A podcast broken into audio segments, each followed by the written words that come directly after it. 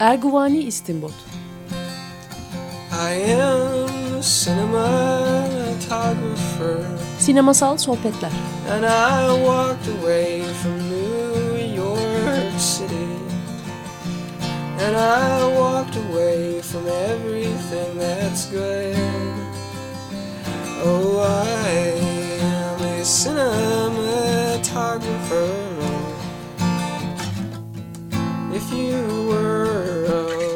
Hazırlayan ve sunan Cüneyt Cebenayak.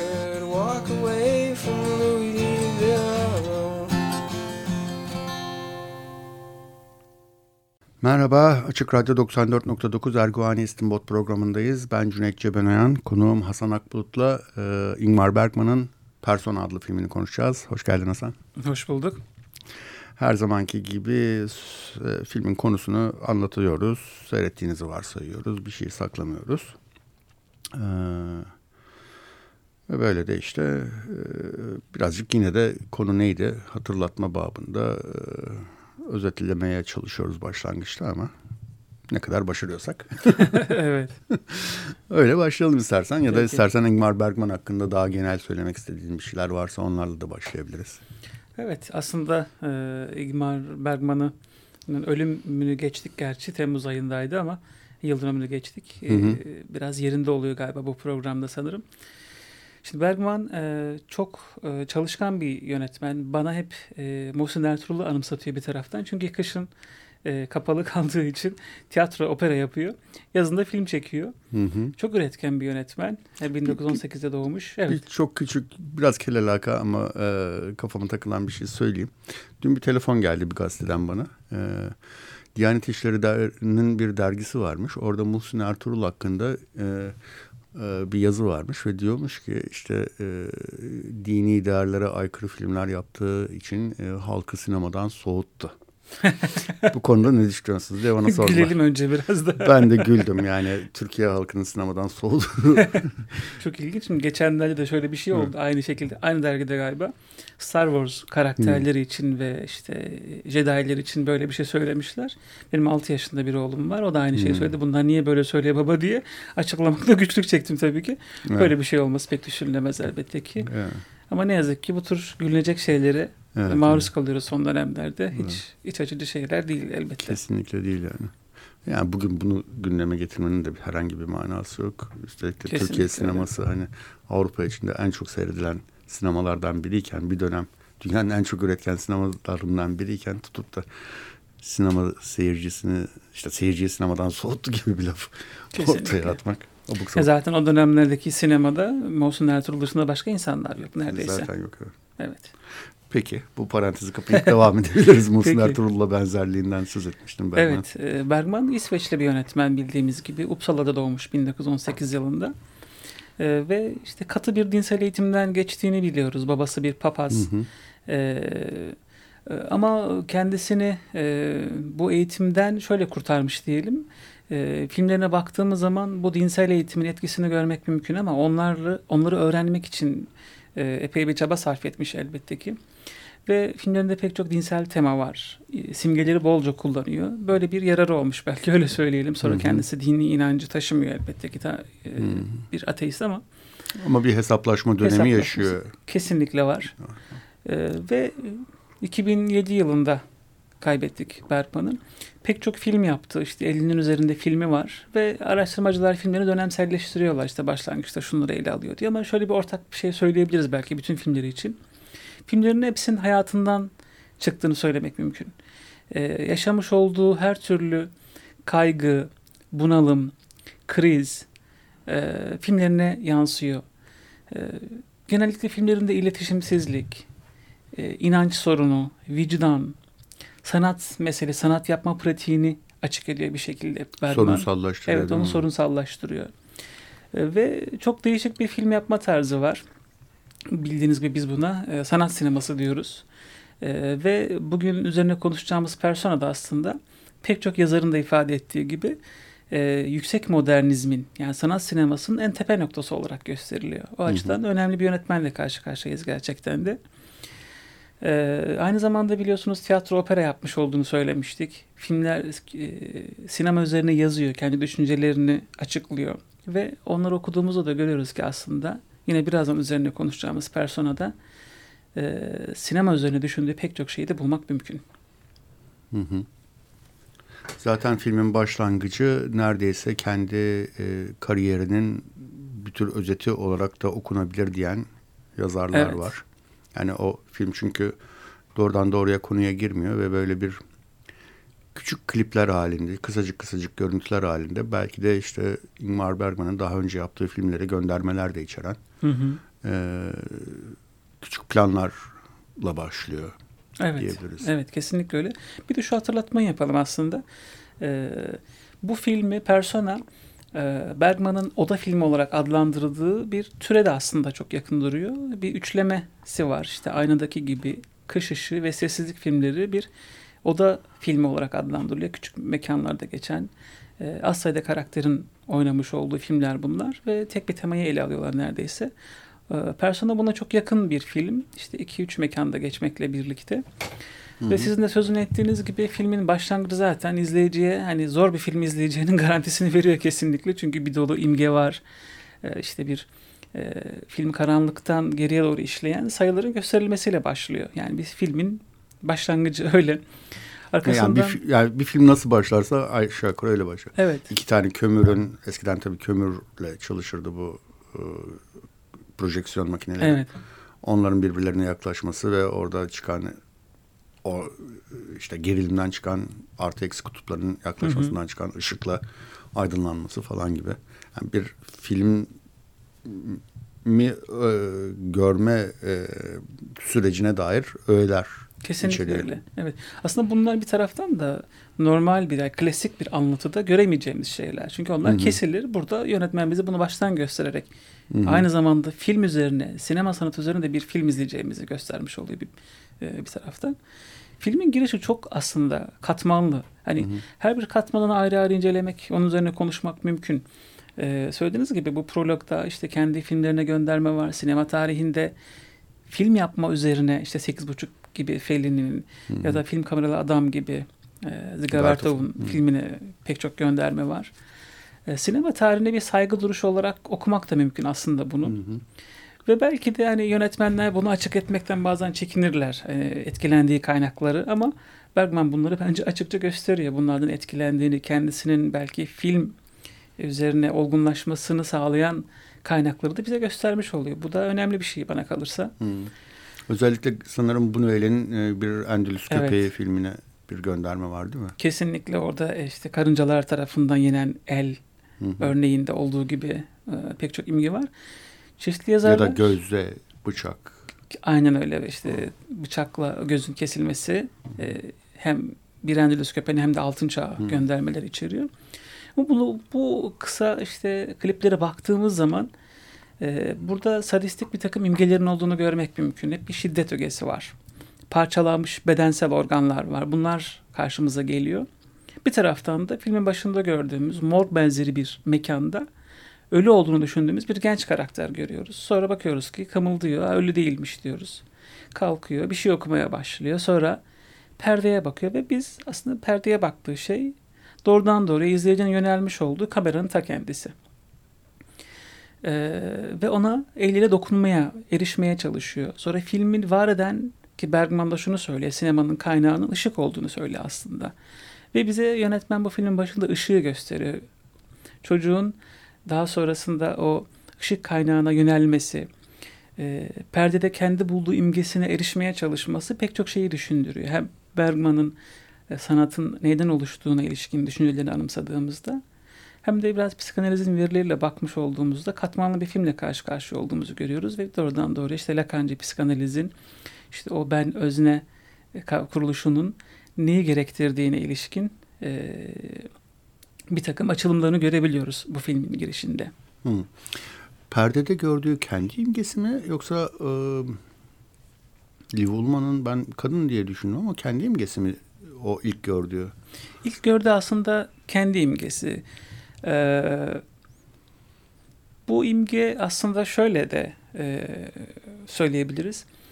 Ee, bir taraftan e, filmde iki karakter var. Bunu söyleyelim başlangıçta. Tabii, tabii. Evet, evet, işte hmm. bir tanesi hemşire Alma rolünü oynayan Bibi Anderson, diğeri de e, Elektra oyununu oynarken sahnede aniden duran, konuşmayan ve bir küçük gülümsemeyle e, o saatten sonra konuşmayan Elizabeth karakterinde Liv Ullman'ı görüyoruz. E, bir taraftan o prologda görülen bu genç çocuk e, Bibi Anderson'a çok benziyor esasında. Alma'ya çok benziyor. Doğru. Ee, bazen ben de acaba bu muydu o muydu diye çok dönüp baktığım olmuştu filmi ilk incelediğim zamanlarda. Çok benzediğini görüyoruz ki bu benzerlik çok önemli. Hı hı. Yönetmen galiba bunu bilerek belirsiz bırakıyor. Çünkü birazdan yapacağımız yorumlar hani e, Alma ve Elizabeth arasında kurulan ilişkinin bir anne çocuk ilişkisine dönüşmesi. Hı hı. Sonra anne çocuğun kendi benliğini kazanmak için Lacan'cı psikanalize göre e, anneden ayrılmasının gerekmesi e, ona öfke duyması gibi bir takım e, süreçleri filmde görebiliyoruz. O yüzden de prologdaki o çocuğun kime benzediği konusundaki belirsizlik bilerek yerleştirilmiş bir belirsizlik bana göre. Hmm. Yani e, o zaman filmin tam da özüne doğrudan girmiş oluyoruz galiba değil mi? Yani o çocuk evet. e, bir anlamda Ingmar Bergman. Evet. Bir anlamda da Bibi Anderson. Hı hı, kesinlikle öyle. Ee, öte yandan şey de diyebiliriz. E, Liv Ullman'ın canlandırdığı karakterin bir sanatçı olmasından yola çıkarak hı hı. o da Bergman'ın bir tür temsili olduğunu, kendisinin temsili olduğunu da evet. düşünebiliriz belki. Kesinlikle öyle. Çünkü Bergman'ın pek çok filmde de aslında buna benzer şey var. Yani Yedinci Mühür'de de var. Hı hı. E, diğer filmlerinde de var. E, Bergman kendi yaptığı sanat pratiğini, sanat yapma yollarını, bunların hangi kavramları içerdiğini çok net biçimde bize gösteriyor. Burada da e, Elizabeth önemli bir aktristir ve Elektra oyunu sırasında susmuştur. Bir daha da konuşmamıştır. Niye konuşmadığını anlatır. Sonra biz bu filmi izlediğimizde e, sanat yapmanın kökeninde biraz hile olduğunu da aslında görebiliriz. Bu tür filmler biliyorsunuz öz düşünümsel olarak adlandırılıyor. Yani self evet, reflexive evet, dediğimiz şey e, işte modernist sinemanın, sanat sinemasının temel kavramlarından bir tanesi. Yönetmenin izleyiciye izlediği şeyin bir film olduğunu hissettirmesi, açık etmesi demek. İşte o yüzden biz filmde o prologdaki projeksiyon cihazını görüyoruz. Sinema perdesini görüyoruz. Filmin sonuna doğru e, işte kameraman Sven Nykvist'i görüyoruz. Bütün bunlar aslında hata değil kesinlikle. Filmin bir film olduğunu açık eden önemli uğraklar. O yüzden de burada oyuncunun da e, daha doğrusu Elizabeth üzerinden de bir öykünün anlatılıyor olması tesadüfi değil kesinlikle. Sanat filmi üzerine, sinemanın ne olduğu üzerine bir soruşturma niteliği taşıyor. Hı. Bir sorun var. Ee, bu self-reflexivity ya da öz düşünümsellik dediğimiz hı hı. şey Brecht'ten önce var mıydı yoksa Brecht'in yabancılaştırma teorisinden sonra e, mı e, sanata bir şekilde girdi? Hı hı. Aslında Brecht'ten önce olduğunu söyleyebiliriz. Ee, işte örneğin e, Ziga Vertov'un film kameralı adamının tarihine baktığımızda işte aşağı yukarı Vertov'la benzer dönem ama ondan Hı. önce yanılmıyorsam tarihi. Ee, dolayısıyla orada da hani film çeken kameranın kendisini görürüz. Kamera gözü görürüz. Dolayısıyla Hı. o filmden başlayan hani benim bildiğim bir kavram var esasında. Hı. Ee, bir de biliyorsunuz e, sinemada e, bu kavramları kullandığımız terminolojiyi biz e, çoğu zaman başka alanlardan da alıyoruz. Örneğin işte modernist sinema kavramı işte edebiyattan aslında geliştirilmiş bir kavram. E, modernist edebiyattan getirdiğimiz bir kavram. O yüzden hani bazı e, kavramların tam yer, sinemada yerini bulması düşündüğümüz zaman e, bu gerçekle karşılaşmamız gerekiyor. Edebiyattan transfer edilmiş kavramlar ama dediğimiz gibi sinemaya baktığımızda e, Brecht'ten önce de aslında var diyebiliriz. Hı hı. Hı hı. Okay. Um, o zaman belki şeye geçelim. Kısaca bir özetleyelim. E, Elma, Alma ile Elizabeth arasında neler olduğunu. Tabii bu arada şeyi ben düşünmemiştim. O oyunun Elektra olduğunu. Elektra olması da çok e, yine Freudian bir gönderme gibi gözükmüyor mu? Yani Kesinlikle. bir yanda Ödipus vardır, diğer yanda, diğer yanda Elektra vardır. Kesinlikle. E, Elektra'yı şöyle açıklayayım isterseniz. Önemli bir tragedya. İşte Hı. antik dönem yazarlarından Sofokles, Euripides, Aşilos bunun üzerine aynı isimli tragediler yazmışlar. Konusu şöyle temelde esasında bir e, e, e, şöyle izah edeyim. Birçok isim Yunan tanrıçalarının ve tanrıların ismi çok şey olduğu için bazılarını aklıma tutamadım. Çok doğal. temelde Elektra annesi ve babası işte annesi kraliçe babası hmm. kral Agamemnon. Agamemnon kendi ordularına rüzgarı alıkoyduğu için o Yunan tanrılarına, rüzgar tanrılarına kızı İfejenya'yı kurban etmiş. Sonra ki Truva e, Savaşı'na çıkabilsinler. Evet, evet çıkabilsinler diye. Sonra e, anne de buna çok öfkeli olduğu için e, kocasını ortadan kaldırmaya çalışıyor. Agamemnon'u ortadan kaldırmaya çalışıyor ve bir aşığı var. O aşığıyla birlikte e, kocasını ortadan kaldırıyor. Kızı bu yüzden e, hem babasını öldürdüğü için annesine öfkeli hem de evlendiği için öfkeli. Anne aynı şekilde kızının sarayda olmasına karşın e, bir sıradan hizmetçi gibi e, muamele görüyor. Ve Elektra daha sonrasında e, özlemle kendi kardeşi Orestes'in e, dönmesini bekliyor ki annesini öldürsün, onun öcünü alabilsin. Hem babasının öcünü alsın hem de Ifigenia'nın öcünü, öcünü alabilsin diye. Dolayısıyla bu bir intikamın aslında öyküsüdür Elektra. Ve sonunda da Orestes döndüğünde e, Elektra'nın e, teşvikiyle diyelim kışkırtmasıyla annesini ve onun aşığını öldürtür. Fakat daha sonra pişman olur. Her tragedide olduğu gibi yaptığı şeyin bir hata olduğunu fark eder. E, bunu anlatıyor aslında Elektra'nı bir intikam. Hı hı. Bu filmin başlangıcında görmüş olduğumuz bu öykü Elektra'nın kullanılıyor olması çok önemli. Çünkü filmde de biz bir intikam izlemeye, intikam öyküsü görürüz. Bu anlamda bir erken anlatım olduğunu söyleyebiliriz. Yani bir hı hı. filmin, bir oyunun sonuna önceden gönderme yap, yapması anlamında erken anlatım diyoruz. Diğer yönden sizin de anımsattığınız gibi e, Freudian bir kavram. E, çünkü Freud'un psikoseksüel gelişim e, aşamasında bireyin kendi benliğini kazanması için, öznelliğini kazanması için belli evrelerden geçmesi gerekiyor. Bu evrelerden bir tanesinde işte fallik aşama diyoruz. E, çocuğun e, karşı cinsten ebeveyne ulaşması için hem cinsi olan ebeveynle e, rakip olması, onunla çatışması anlamına geliyor ve onu ortadan kaldırmayı arzuladığı bir dönem oluyor. E, erkek çocukta bu Oedipus kompleksi olarak adlandırılıyor.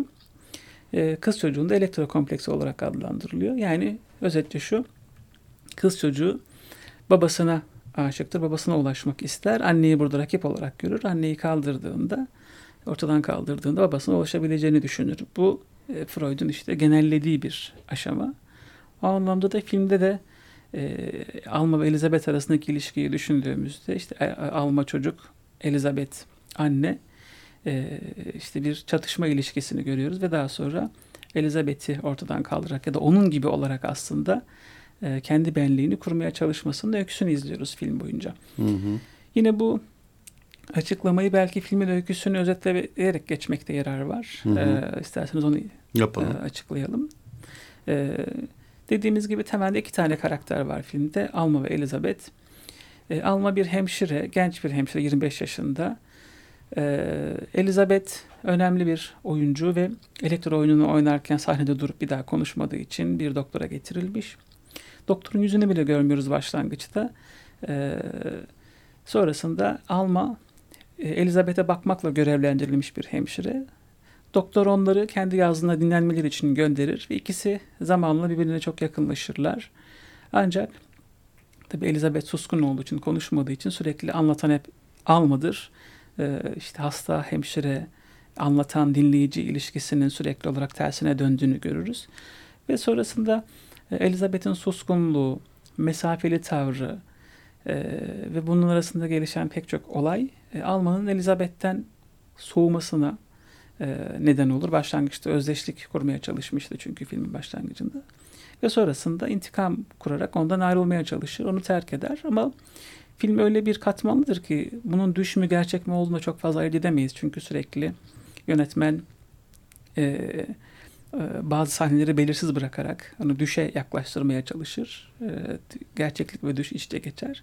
Temelde böyle bir öyküyü anlatıyor bize. Hı hı. E, ben bunu temelde dediğim gibi bir özne kimliğinin kurulması süreci olarak görüyorum. Bir varoluş problemi hı hı. olarak görüyorum filmi. ve sizin de anımsattığınız üzere Freudian ve Lacancı psikanalizin pek çok verisini ya da otoerik tartışmaları filmde görsel karşılığını bulmak mümkün. Hı hı hı. Ee, şey sahnesi de var zaten hani e, eğer Bibi Anderson'ın canlandırdığı Alma küçük çocuk ve şeyde anne figürü ise e, Liv Ullmann'ın canlandırdığı Elizabeth hı hı. E, ve e, kız çocuğu annesini öldürüp babaya ulaşmaya çalışıyorsa Elizabeth'in kocası Mr. Fogler hı hı, bir hı. ara e, yine hayal mi gerçek mi olduğu anlaşılmayan bir sahnede peydah oluyor. Evet. Ve e, Alma Elizabeth'in kocasıyla bir tür sevişiyor. Evet. Yani tam sevişme evet. görmüyoruz ama e, yani ona yakın bir şey oluyor. Evet. Burada şunu belki baştan vurgulamamız gerekiyor. Bu yine Lacancı psikanalize göre yani bireyin Hı. kendi benliğini oluşturması için e, belli süreçlerden geçmesi lazım. Tıpkı Freud'un söylemiş hı hı. olduğu gibi. Ama Lacan temelde şöyle bir şey söylüyor. Yani öznenin kendi benliğini kazanması için önce öteki olmayı deneyimlemesi gerekiyor. Hı hı. İşte onun bildiğimiz ayna evresi hı hı. bu süreci süreç için oldukça önemli. Lacan başlangıçta diyor ki çocuk doğduğu zaman hani e, kendisi ve ötekiler arasında bir ayrım kuramaz. Hatta işte bütün dünyası işte dünyayı tanıdığı annesi onun bedeninin bir uzantısı gibi algılanır onun tarafından. Hatta omlet, bütün dünyayla birdir zaten tabii. çocuk değil mi? Her şey kendisidir. Evet. Omlet gibidir böyle dağılmıştır. Hani öyle bir e, tanımlama kullanıyor Lacan. Daha sonrasında annesi onun kendisinin diğerlerini tanıdığı, ötekilerini tanıdığı e, imgesini sunar. Ama bu bir yanlış tanımadır Lacan'a göre. E, sonra çocuk aynada kendi imgesini fark ettiğinde kendisi ve diğerler arasındaki farkı da görmeye başlamış olur ama bu Lacan'a göre tam da bir kendini tanıma değildir. Sadece çünkü çocuğun perdede görmüş olduğu şey bizim prologdaki bu filmin başlangıcında görmüş olduğumuz gibi kendi imgesinin bir yansımasıdır, ikizidir, çiftidir olarak açıklar. Ee, bireyin... Doppelganger evet, evet. meselesi de var değil mi? Evet kesinlikle. Ee, sonrasında hani e, kendi özneliğin, öznel kimliğin kazanılması için öteki olmayı deneyimlemesi gerekir. E, hatta e, öteki olmak için de işte filmin ilerleyen kısımlarında da gördüğümüz gibi e, ben ve öteki arasındaki bu yarılmayı Bergman bize iki kadının yüzünün yarısını birleştirerek gösteriyor. Yani bir yanlış birleşme olarak gösteriyor. Yine biz Lacancı terminolojide bunu yanlış tanıma olarak adlandırıyoruz. Sonrasında kendi benliğini kazanıyor. Yani mutlaka bireyin kendini tanıması için öznel kimliğini, kurabilmesi için bir ötekine gereksinme var. E, bu süreçte biz onu görüyoruz. Sizin sözünü etmiş olduğunuz sahne çok önemli bir sahne gerçekten de. Çünkü yine düş mü gerçek mi olduğunu bilemiyoruz. Çünkü o sahnenin başında radyoda bir piyes var. Hı hı. İşte erkek sesleri geliyor. Filmde hiç erkek yok bu arada. Hep dış ses olarak var bir filmin hı. bir yerinde. Bir de orada işte Mr. Fogler geliyor mu gelmiyor mu kestiremediğimiz e, bir düş benzeri sekansta görüyoruz. Orada şöyle söylüyor Alma. Başlangıçta o kadar çok Elizabeth'i e, beğeniyor ki onunla özdeşleşiyor. Hatta kendisini onu oymuş gibi düşünüyor ve bir yerde de bunu söylüyor ki e, ne kadar benzediğinizi benzediğimizi fark ettim ama diyor düşünce olarak bunu fark ettim diyor. Ve sonrasında e, bir mektup e, onların ilişkilerini aslında bozuyor. O mektubu anlatmamız gerekiyor burada. Doğru. Hı hı. E, mektup Elizabeth tarafından kendi doktoruna yazılmış. E, Alma bu mektubu Doktoruna mı yazılmış? Evet kendi doktoruna yazdığı Mr. mektup. Fogler'e değil mi? Ee, yok önceki şeyi e, doktora yazıyor. Doktora yazıyor. Hı hı. Ya, o kadın do, kadına yazıyor. Evet, yani evet. ilk başta gördüğümüz. Evet, evet. Kadın Çok da biraz yazıyor. sevimli de olmayan bir kadın böyle. Onun da uzun bir konuşması var. Ben senin evet. ruhunu okuyorum. Sen bu maskelerden kurtulmak istiyorsun ama aslında yaptığın yeni bir maske takmaktan başka bir şey değil falan gibi evet. şeyler söylüyor Elizabeth'e o doktor. Evet, o tam aslında bilimin e, belki otoriter dilinin bir eğretilemesi doktorun bu sözünü etmiş olduğu şey. Hmm. Gayet soğuk ve mesafeli biçimde Elizabeth'in içerisinde bulunduğu durumu anlatıyor. E, şimdi mektup meselesinde şöyle bir şey geçiyor. E, Elizabeth doktora diyor ki hani Burada olmak eğlenceli her zaman sessiz kalmayı seçmek isterdim. Alma sürekli olarak konuşuyor. Her şeyi anlatıyor. O çok eğlenceli. İşte beni şımartıyor hatta. Sanırım beni de çok çekici buluyor ama onu onu incelemek çok eğlenceli gibi bir şeyler yazıyor. Ama bunu okuduğunda çok etkileniyor. Çünkü hani e, Kendisini mikroskopta incelenen evet. bir böcek gibi görüyor evet. belki. Ya da... Bir de ihanete uğramış olduğunu düşünüyor. Evet. Çünkü çocuğu hani kendisini karşılıksız sevgi besleyen bir annesi olarak görüyor aslında Elizabeth'i. Evet. Ve sırları ifşa edilmiş başkalarına. Ona Tabii. özel açtığı bir takım sırlar ifşa edilmiş. Evet. Bu andan bu mektubu okuduktan sonra intikam düşleri kurmaya başlıyor ve sözünü ettiğiniz sahnede, sekansta e, Faulkner'ın geldiğini e, işte görüyoruz. Fakat şöyle bir şey var. Elizabeth'in kocasının kör olduğunu evet. görüyoruz. Tıpkı Oitopus gibi. Gözleri oyulmuş Oitopus gibi. Ee, ve e, başlangıçta işte Elizabeth diye seslendiğinde kocası Bay Faulkner ona ben Elizabeth değilim dese de sonrasında Elizabeth'inmiş gibi bir dil kullanıyor. Evet. Ee, Orada bir tuhaf şey daha var. Elizabeth Alman'ın elini alıp Fogler'in yüzüne götürüyor. Yani evet. bir şekilde o aralarındaki tensel temasının başlangıcını Elizabeth evet. sağlıyor. Evet. Öyle de bir durum var. E, ilginç bir şey gerçekten de bu. Hani hem e, kendisine biçilen rolü e, işte bireyin özne kimliğini kazanmasında ötekinden ayrılması gereken e, bir süreci olduğunu söylemiştik. E, Elizabeth hem özdeşleşme nesnesi hem de öteki bu, burada. O, o rolü gerçekten oynuyor ve bu rolü oynuyor olması zaten onun oyuncu kimliğiyle de çok paralel hmm. bir şey bir taraftan da. Hmm. Ee, Elizabeth o sahnede e, işte kendi Elizabeth'in bir oğlu var e, ama oğlunu da reddetmiş, kocasını görmeyi de reddetmiş bir birisi, bir kadın. E, Alma Elizabeth'miş gibi davranarak, onunmuş gibi konuşarak da bir tür dediğiniz gibi sevişiyor onunla ve tam da Lacancı senaryoya uygun biçimde aslında e, babasını arzulayarak aradaki anneyi devreden çıkaran çocuk rolünde olmuş oluyor. Böylelikle Elizabeth olmayı deneyimlemiş oluyor ve artık bu saatten sonra, bu sahneden sonra e, Elizabeth onun için geride bırakılması gereken öteki olabiliyor. Nihayet kendi benliğini alma, özne kimliğini kurabilir diyoruz. Hmm. E, bu süreç yaşanması gereken bir süreç olarak hmm. görülüyor elbette ki Lacancı terminolojide. Bir de şey çok önemli galiba bu filmde. Filmin ismi persona zaten. Hı hı. E, takılınan kişilik anlamına geliyor. E, Jungcu e, yine psikolojinin devreye girmesi gerekiyor tabii ki burada. E, Jung'da da şöyle bir şey var. Herkes diyor hani dünyada benimsenmek için, başkalarıyla birlikte olabilmek için toplumda biri arasında bir uzlaşma vardır. Ve birey bu benimsenmeyi sürekli olarak görebilmek için bazen maskeler takar. İşte bunun adı personadır. Hı hı. Yani işte burada radyocuyuzdur, hı hı. konuğuzdur, okulda öğretmenizdir, sokakta vatandaşızdır, evde eşizdir, babayızdır.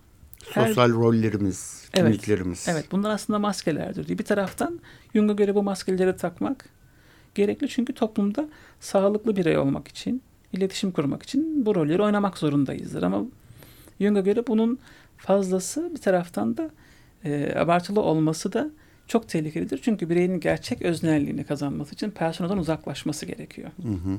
Şimdi bu açıdan baktığımızda Alman'ın son derece e, maske oynadığını görüyoruz. Bir kere Alma ismiyle birlikte Latince'de cömertlik, analık anlamına geliyormuş. Hmm. Ee, alma mater.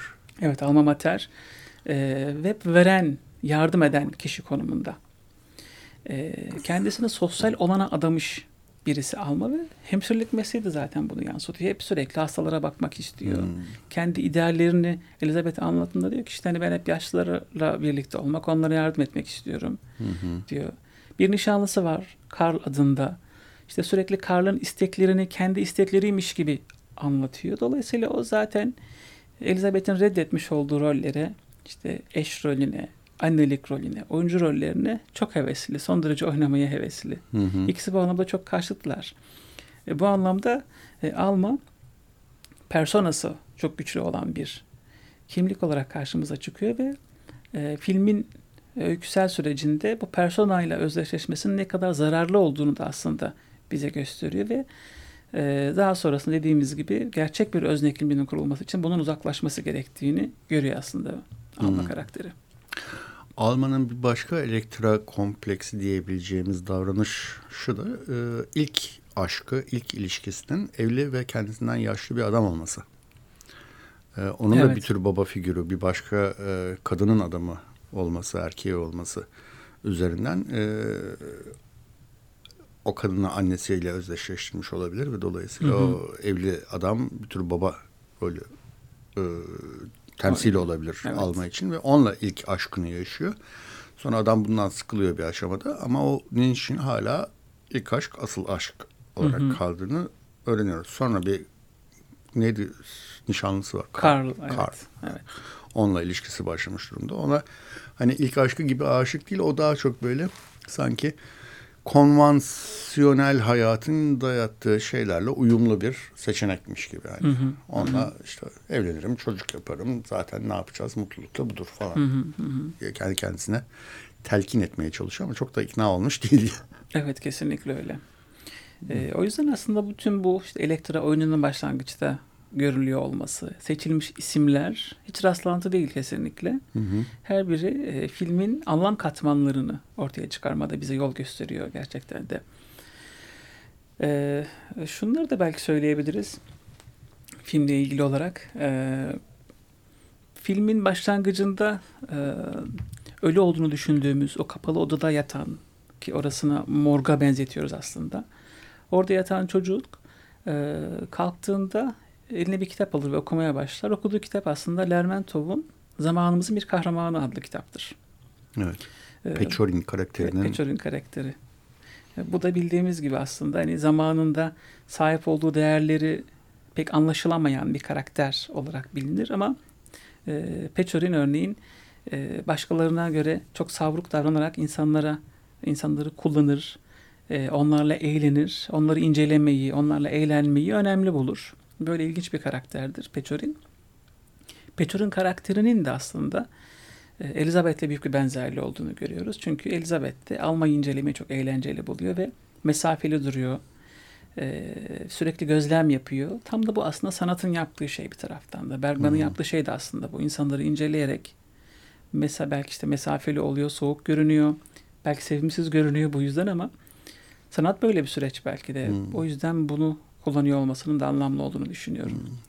Öyle hatırladığım kadarıyla gerçekten ahlaki ilkeleri pek olan bir evet. karakter değildi. Ama insanları e, kullanmada, manipüle etmede çok büyük yetenekleri olan, istediği kadını bir şekilde gayet planlı bir e, süreç sonrasında e, kendisine aşık etmeyi başaran ve ondan sonra da heves kaçan evet. onu şey yapan, başından atabilen onun o kadın üzerinde nasıl bir yıkıma yol açacağını hiç hesaba katmayan falan bir adamdı diye hatırlıyorum. Evet kesinlikle doğru hatırlıyorsunuz. Hı hı. Ee, burada Elizabeth'in Almanya ilişkisi çok önemli demiştik. Başlangıçta çok sıcak bir ilişki e, gibi başlıyor. E, zaten yönetmen ikisi arasındaki kadın arasındaki ilişkiyi e, o sıcak ilişkiyi göstermek için biçemde de önemli şeyler kullanıyor. Örneğin İki kadın aynı çerçeve içerisinde gösterilir. Benzer giysiler giymişlerdir. Hakikaten hani Alman'ın sözünü ettiği gibi biz ne kadar birbirimize benziyoruz hı hı. meselesini, cümlesini haklı çıkaracak bir görsel benzerlik kurmaya çalışır yönetmen. Hı. Sonrasında bu ilişki mektup aracılığıyla bozulduktan sonra ikisini ayrı ayrı çerçeveler, ikisi hı hı. arasındaki farkı daha keskin bir şekilde göstermeye çalışır. Bu önemlidir. Alma e, Elizabeth'i e, güç kullanarak, zor kullanarak konuşturmaya çalıştığında da ona sen hep beni hani kullandın, beni gözlemledin, soğuk ve mesafeli bir şekilde e, ve benden yararlandı. Şimdi de beni atıyorsun der. Bu tam da Peçörü'nün yaptığı şeyin ta kendisidir aslında. Hı hı hı. Valla çok e, ara müzik çalmak falan istemiyor canım ama bir çalmakta yarar var. Ee, ki böylece kendimizi tekrar hatırlatma fırsatı da veririz. Ee, filmden e, bir müzik Bach'ın e, iki numaralı violin konçer, keman konçertosundan E majör Allegro bölümünü belki kısmen e, dinleyeceğiz. 94.9 Açık Radyo'da Erguvani İstinbot programındayız. Ben Cüneyt Cebenoyan, konuğum Hasan Akbulut'la Ingmar Bergman'ın Persona filmini konuşuyoruz. Ee, Pechorin'de kalmıştık. Benim aklımda iki tane önemli tema var. Bunları konuşmadan programı bitirmek e, bitmesini kesinlikle istemem. Bir tanesi voyeurizm. Evet. Çok güçlü bir şekilde olduğunu düşünüyorum filmde. E, ikincisi çocuk katli. Hı hı. E, bu da ikisinin iki, iki kahramanın da hayatında olan bir şey. E, bunları yani bir de sınır meselesi var aslında. Hani kimliklerin iç içe geçmesi, hı hı. yüzlerin iç içe geçmesi falan sınır da çok önemli bir kavram evet. aslında bildiğim kadarıyla psikanalizde ama hani çok teorisini şu anda şey yapabileceğim bir şey değil ama yani bir bireyin oluşmasında o sınırın hı hı. önemi çok açıktır. Başkasının e, e, dünyasını işgal etmemek yani ya da tecavüz etmemek. Burada tam alma sanki kendisi sınırları yok. Başkasına hı hı. Üzerine çöken birisi gibi bir yandan da yani. Onu ele geçiren, geçirmek isteyen hı hı. birisi Kesinlikle. gibi. Kesinlikle. Ben şeyi e, şimdi bu çocuk öldürme iki kadının da şöyle bir hikayesi var.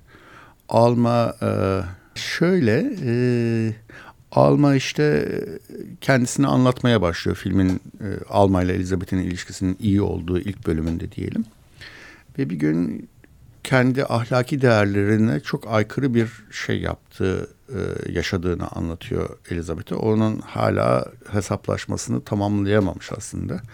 O da şöyle bir şey, Katrina diye bir çok da tanımadığı bir kızla güneşleniyorlar ikisi sahilde çıplak.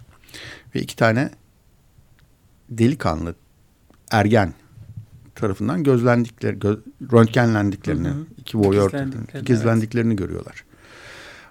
Katarina buna e, gayet e, şey e, bir tepki veriyor. Hmm, şehvetli diyeyim. Yani hı hı. röntgenlenmekten hiç gocunmadığı gibi bundan keyif alıyor. E, Alma da ona uyuyor. E, bunun üzerine çocuklardan bir tanesi daha cesur olanı Katrina'ya yaklaşıyor. O Katrina ile başlıyor. Alma da bundan e, tahrik oluyor. Sonra e, orada da Alman'ın bir voyörlüğü var, e, hı hı. dikizciliği var. E, Katrina ile o delikanlı arasındaki ilişkiyi seyredip tahrik olması var. Ve sonra o da o çocuklarla ilişkiye giriyor. Dolayısıyla bir dörtlü küçük bir orji yaşanıyor orada. Evet. Ve bu sırada e, Alma e, o Martin miydi adı? Karl. Karl. Karl. Ee, Karl'la nişanlı. Yani nişanlısını aldatmış Hı-hı. oluyor ve akşam Karl'la e, anlatmadığı gibi bu e, yaşadığı erotik anın heyecanıyla çok da güçlü bir ilişkime yaşıyor. Ee, ve o gün hamile kalıyor. Ama kimden hamile kaldığı da belli değil. Karl'dan mı yoksa hı hı. o delikanlılardan birisinden mi ya da ergenlerden birisinden mi? Ve Karl o sıralarda e, eğitimini sürdürdüğü için e, ve böyle bir çocuk sahibi olmaya hazır olmadığı için kürtaj yaptırmasını istiyor almadan ve alma yapıyor kürtajı. Çocuğu doğmamış yani doğmadan öldürüyor çocuğu. Hı hı. Ve bunun da vicdan azabı hala üzerinde. Hem o var üzerinde hem de Karlı aldatmış olmak e, ahlaki ve dini değerlerine falan aykırı bir şey. Böyle bir şey var. Ee, işte burada e, sonradan da şeyi öğreniyoruz. İstersen o bölümü de sen anlat. Elizabeth'in çocuğuyla ilişkisine alma ona bir şekilde nereden evet. ilham evet. alarak söylüyorsa anlatıyor. Senin de şöyle evet. bir ilişkin var diye çocuğunla. Evet bu iki mesele çok önemli. Hı hı. İsterseniz hemen önce Elizabeth'in çocuk sahibi olma kararından başlayalım. Hı hı. Ee, filmin başlangıcında ilişkilerin iyi olduğu dönemde e, Elizabeth kocasından gelen bir mektubu okuyup yırtıyor ve aynı zamanda içerisinden çıkan oğlunun fotoğrafını da yırtıyor ki biz anlıyoruz. Kocası yani eş ve annenin rolüyle ilgili bir ciddi sıkıntısı var. İlişkileri daha sonra bozulduğu dönemde e, Alma ona şunu söylüyor. Sen hani kendin e, her oyuncu olduğu için her rolü denemiştin. Fakat denemediğin bir tek aslında annelik vardı. Onu da e, başkalarının istediği, başkaları bunu istediği için sen de hamile kalmayı Hı-hı. seçtin. Hı hı. Yani personayı sürdürdün. Demek Hı-hı. mümkün buna. Bir Hı-hı. maske taktın. Fakat sonrasında bundan hemen pişman oldun. Çocuğunu aldırmak istedin fakat zaman geç olduğu için bunu yapamadın. Çocuk doğduğundaysa ondan kurtulmanın yollarını aradın. Dolayısıyla sen de çocuk sevmiyorsun hani.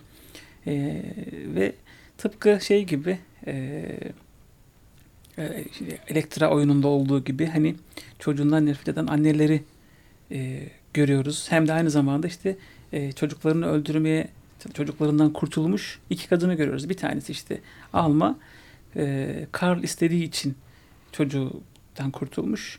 E, Elizabeth ise kurtulmayı denemiş fakat becerememiş. Ama hani bütün gerçekleri fark ettiğinde e, çocuktan kurtulmayı istiyor. Yani annelik rollerini aslında reddediyor.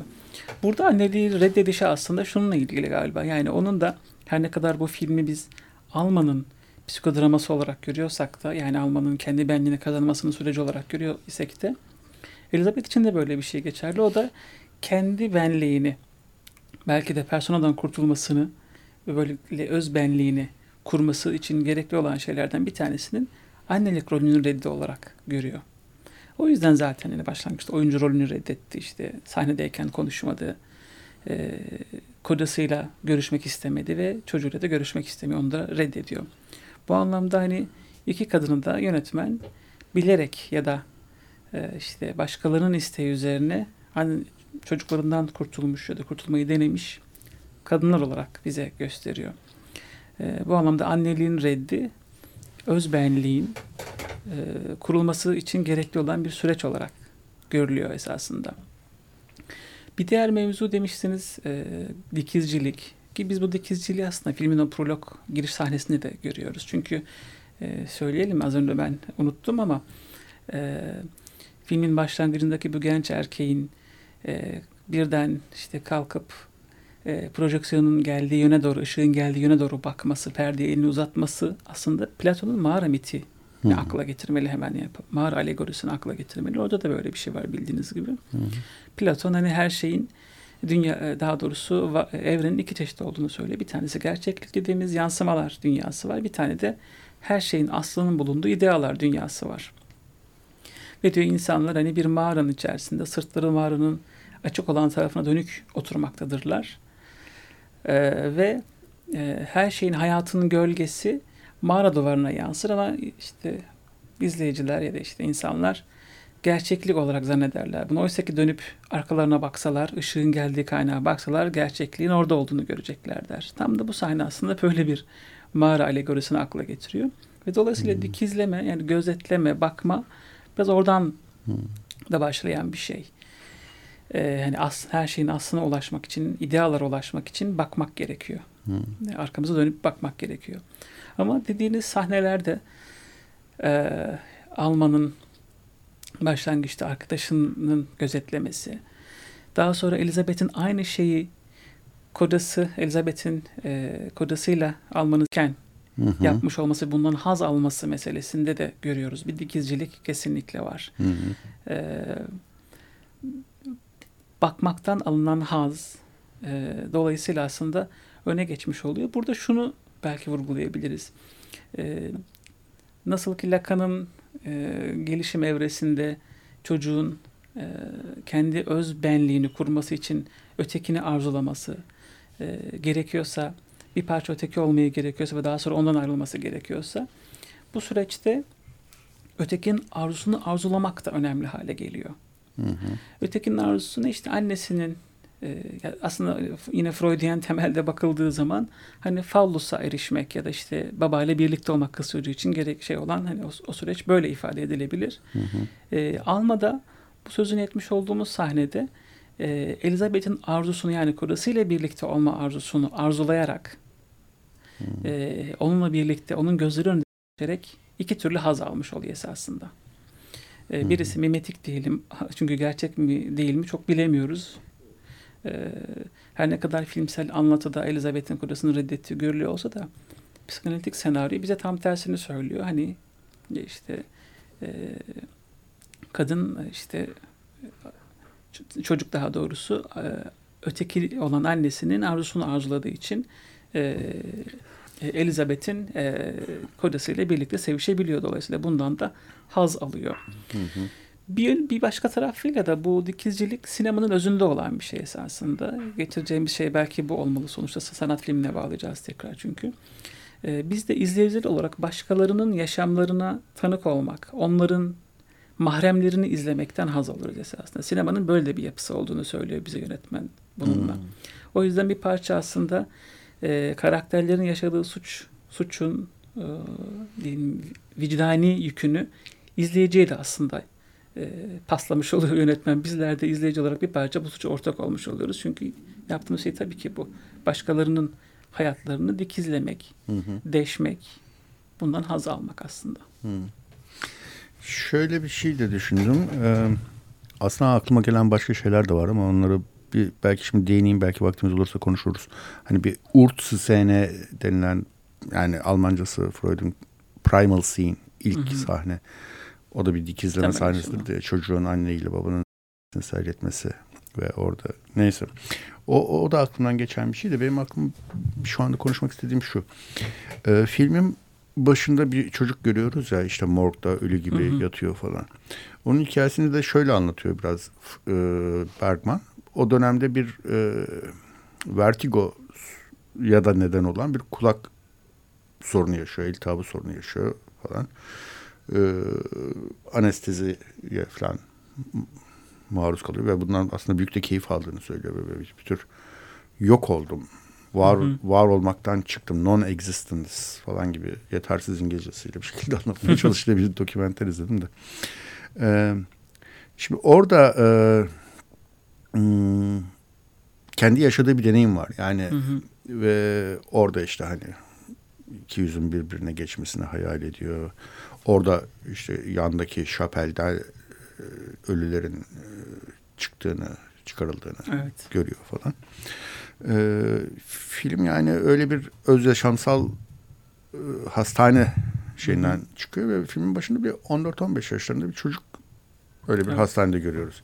Bu çocuğun Bergman'ın kendisi olduğunu düşünmek için de çok Hı-hı. nedenimiz var. Ee, dolayısıyla bütün filmi de e, mesela o orji sahnesinde de yine o çocuk yaşındaki delikanlılar, kızları dikizliyorlar ve onlarla gidip orada da sanki yine bir e, çocuğun anneyle olma arzusu, annenin çocuğu öldürmesi sürekli iki kadının da. Yani Bergman sanki o annesinden nefretini e, ve ona olan arzusunu hı hı.